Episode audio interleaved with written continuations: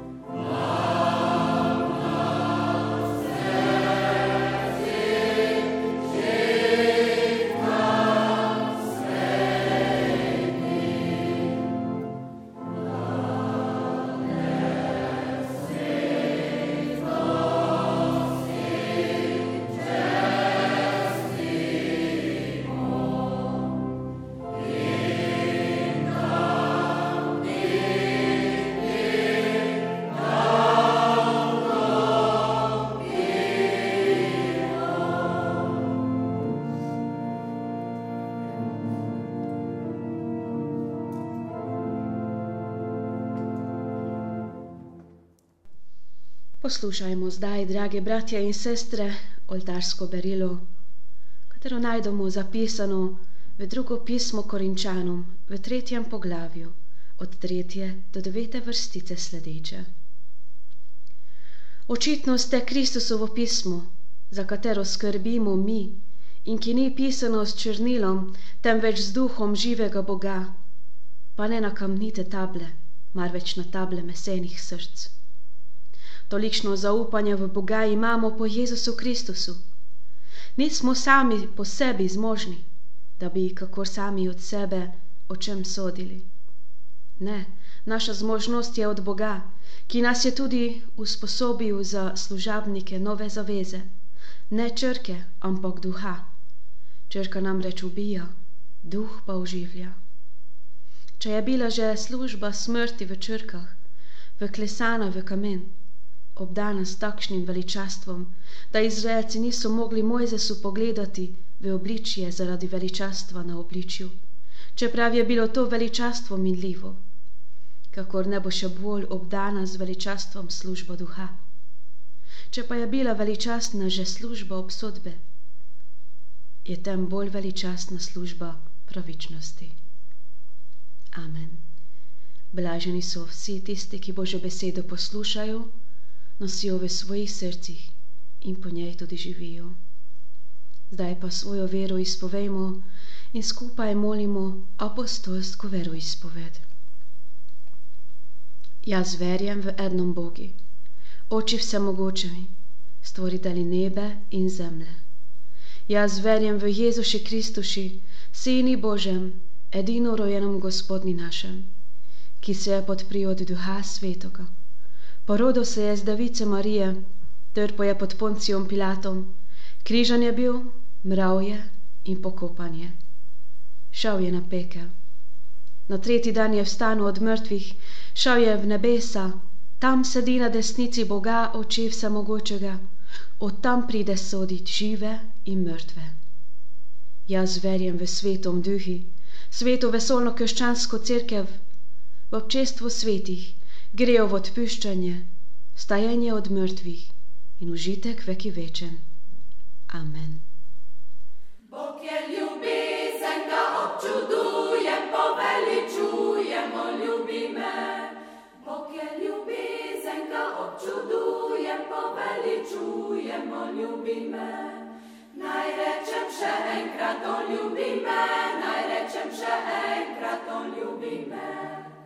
Bokovi greha moči sovražne, brez se to lažbe umiral sem. Bokovi greha moči sovražne, brez se to lažbe umiral sem. Naj rečem še enkrat, on ljubi me, naj rečem še enkrat, on ljubi me. Izpodne greha je Jezus rešil, srce utešil, zdaj spon sem prost. Izpodne greha je Jezus srce utešil, zdaj spom sem prost. Naj rečem še enkrat, on ljubi me, naj rečem še enkrat, on ljubi me. Zdaj tu na svetu ga vsi častimo, gorko ljubimo do konca dni. Zdaj tu na svetu ga vsi častimo, gorko ljubimo do konca dni. Naj rečem še enkrat, on ljubi me, naj rečem še enkrat, on ljubi me. Naj rečem še enkrat, on ljubi me, naj rečem še enkrat, on ljubi me. Milost vam in mir od Boga Očeta našega in od Gospoda Jezusa Kristusa. Amen. Prisluhnimo sedaj Božji besedi, ki nam bo služila kot vodilo v današnji pridigi in je zapisana v Markovem evangeliju v 12. poglavju od 28. do 34. vrstice sledeče. Eden izmed pismovkov je slišal, kakor razpravljajo in videl, da jim je Jezus dobro odgovoril. Pristopil je in ga vprašal, katera je prva od vseh zapovedi. Jezus je odgovoril, Prvo je, poslušaj Izrael, Gospod naš Bog je edini Gospod. Ljubi Gospoda svojega Boga iz vsega srca in vse duše, z vsem mišljenjem in z vso močjo. Drugo pa je tale: ljubi svojega bližnjega, kakor samega sebe. Večja od teh dveh ni nobena druga zapoved. Pismok mu je rekel: Dobro, učitelj, resnično si povedal. On je edini in ni drugega razen njega. In ljubiti njega iz vsega srca, z vsem umevanjem in z vso močjo, ter ljubiti bližnjega kakor samega sebe je več, kakor vse žgalne daritve in žrtve. Ko je Jezus videl, da je pametno odgovoril, mu je rekel: Nisi daleč od Božjega kraljestva. In nihče si ga ni drznil še kaj vprašati. Amen. Drage sestre in bratje v Jezusu Kristusu, k Jezusu pristopi nek naimenovani pismok in postavi Jezusu vprašanje, katera je največja zapoved. To ni bilo fiktivno vprašanje, ker je veliko zapovedi v tem času obremenjevalo versko življenje Izraelcev. Deset zapovedi je bilo razdeljenih še na 284 ukazov in 365 prepovedi.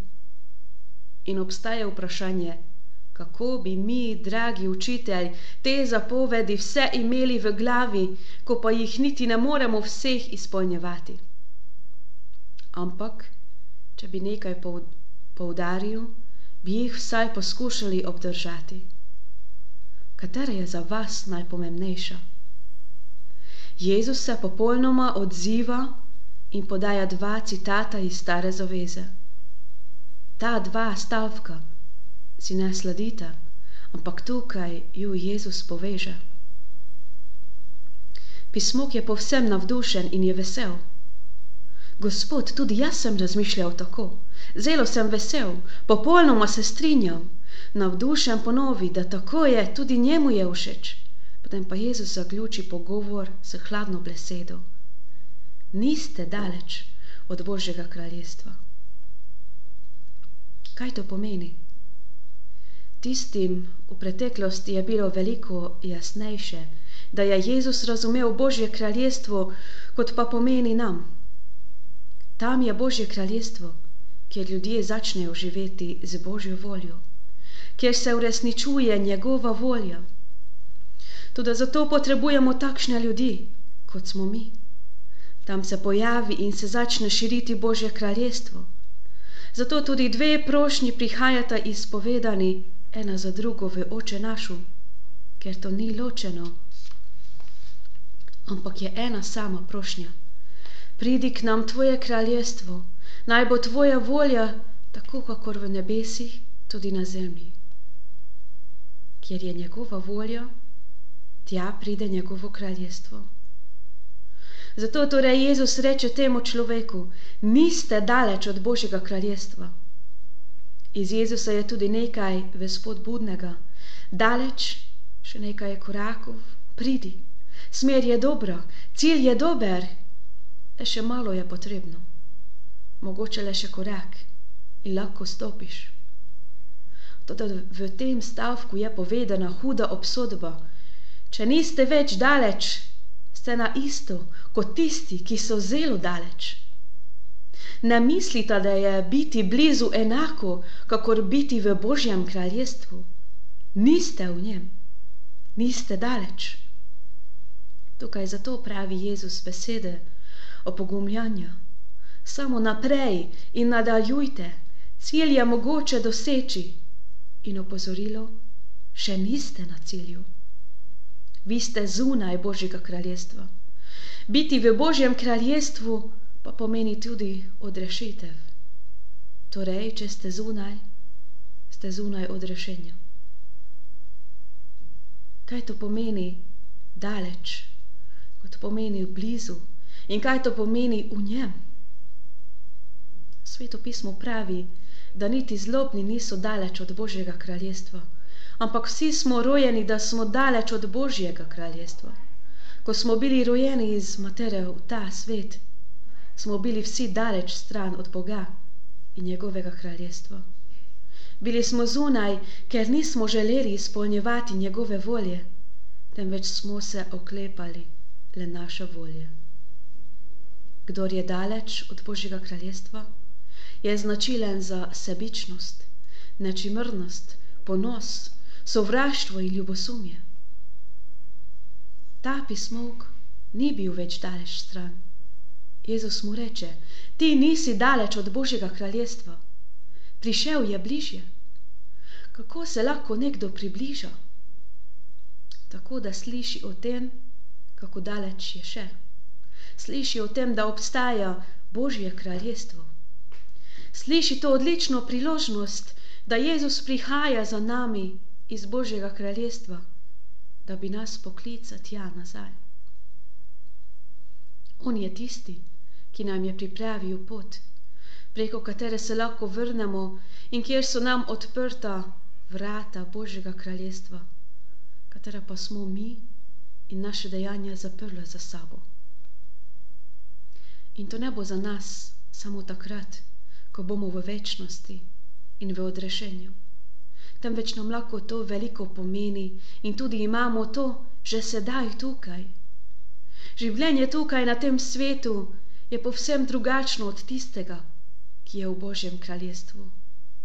Tukaj si že pripravljamo mesto, katerega bomo imeli po smrti. Kdor ve vse to ali ve stvari, se približuje Božjemu kraljestvu in ni daleč od njega. Kaj ti Bog je poslal preroke, ki so vse to pričevali. Tudi v pridigi nam o vsem tem pričuje Bog, tako da lahko to spoznamo. Poslal nam je tudi svojega, edino rojenega sina, da ne bi samo slišali o tej možnosti, temveč je on tisti, ki nas podbuja, ki nas prime za roko in vodi, stoji zraven nas in pravi: Sledite meni in pripeljem vas v očetovo hišo.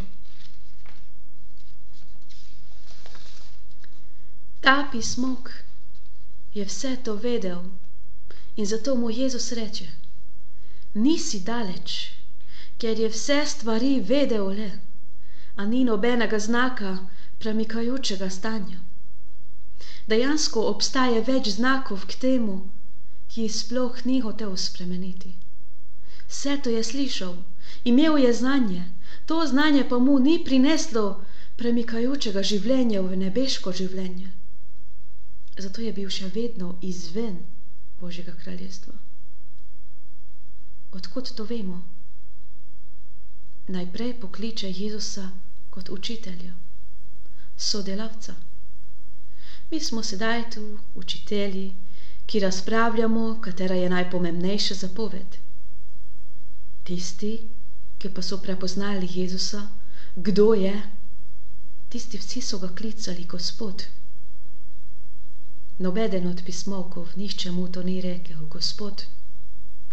Tomaž je rekel, ko je prepoznal Boga vsemogočnega in padel pred njega en teden po velikonočni in rekel, moj Gospod, moj Bog. Peter ga je tudi imenoval Gospod, ko je bil v velikem ribolovu razsvetljen, kdo je bil Jezus in kdo je on poleg Jezusa. Gospod odide od mene, ker sem grešni človek. Za tega pismovka pa je Jezus učitelj. Ne prepozna ga, zato Jezusova beseda zanj ni Božja beseda. Ne posluša tako, da bodo iz tega poslušanja sledila k malu tudi dejanja. Resnica, ki jo pove Jezus, doseže samo površino njegove razumnosti, ne gre v globino zato ni gibanja. Na zadnje je zelo izrazita razlika med tem, kar govori Jezus in kako reagira pismovk. Jezus natančno citira Biblijo. Med citiranjem uporabi Jezus nagovor v drugi osebi ednine. Ljubi Gospoda, svojega Boga, in ljubi bližnjega kot samega sebe. In to isto stvar kako predstavi ta zelo odličen pismok. Njegova različica je linija deloročnikov. Človek mora ljubiti svojega Boga in ljubiti svojega bližnjega, to je zelo pomembno. Kdo je ta človek? Tudi on ali pa samo drugi? Sebe izpusti. Jezus je rekel, ljubi ga. Če je v Božjem kraljestvu, bo v tistem trenutku začel preučevati. Ali resnično ljubim Boga z vsem svojim srcem, polno močjo? Ali resnično ljubim moje prijatelje?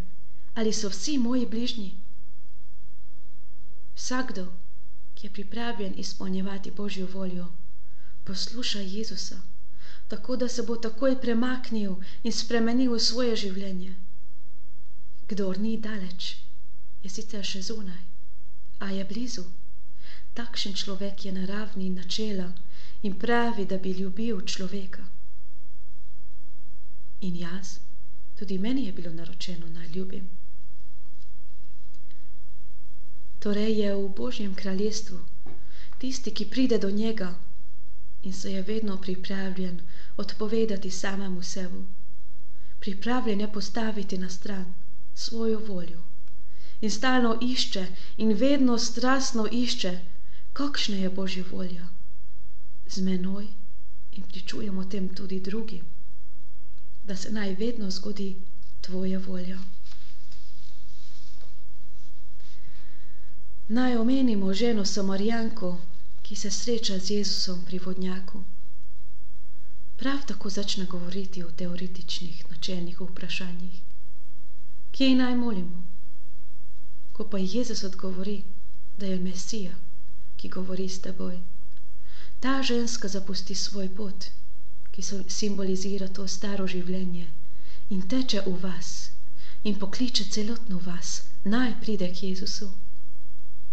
Njeno življenje se premika naredi nekaj, ker prej v starem življenju še nikoli ni storila.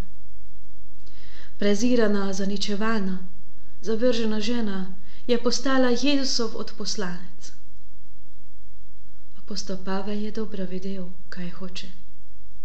Dobil je odlično usposabljanje od vznožju profesorja Gamaliela v Jeruzalemu.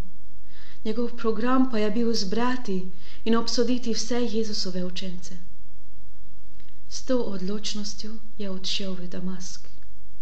Točno je vedel, kaj hoče in ko je na poti stopil pred njega živi Kristus, trenutek nastane tišina. In Pavel ima samo eno vprašanje. Gospod, kaj hočeš, da storim? In od tega trenutka naprej je bilo to njegovo najpomembnejše vprašanje v vsem svojem življenju. Tako to deluje vsakdo, ki stopa v Božje kraljestvo, bo prepoznal in delal Božjo voljo, ne kot pismovk. No, učitelj, se strinjamo, super. In kaj se spreminja? Nič. Ne želi, da se kaj spremeni.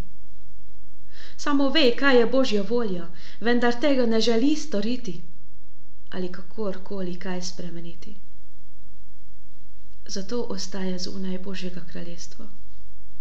Tako, kako če te resnice sploh ne bi poznal.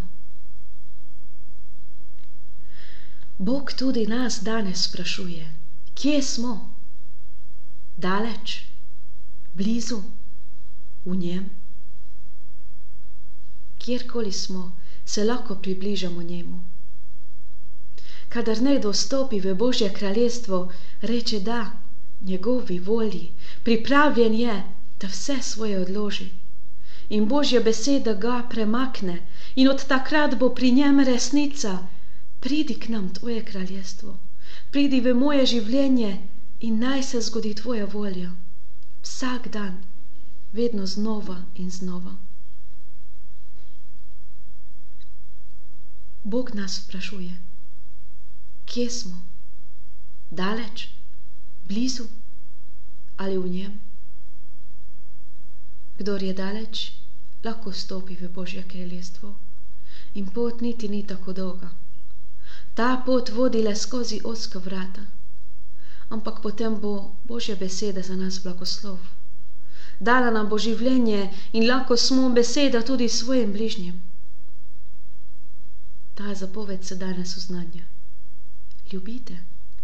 Ljubi Gospoda z vsem srcem, da tam ni prostora za vse druge bogove, za vso svojo dušo, celotnim umom in vsa svojo močjo in ljubi bližnjega kakor, kakor samega sebe. Ali smo pripravljeni na to in to začeti že danes? Amen. Molimo. Jezus Kristus, postavil si nam preprosto vprašanje. Želimo si, da bi mi tudi bili del tega tvojega kraljestva. Daj nam moči tvojega duha, da bomo zmogli tako ljubiti, kako nam ti to ukazuješ in želiš.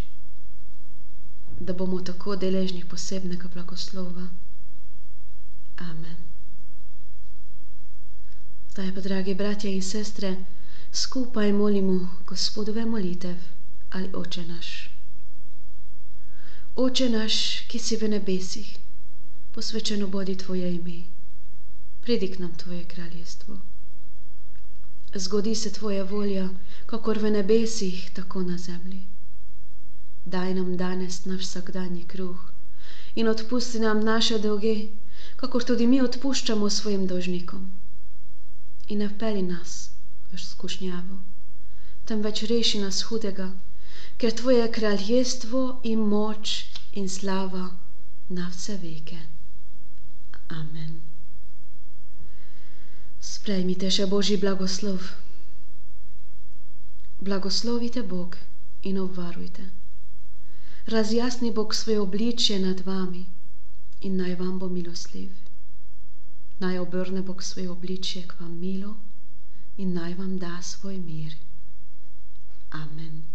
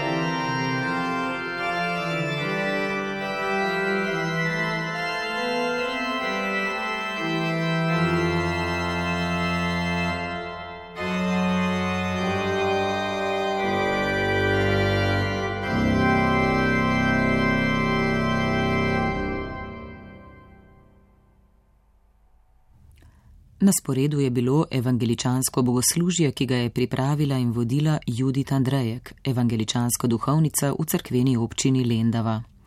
Njihovemu bogoslužju lahko spet v neposrednem prenosu prisluhnete 31. oktober ob 10. uri.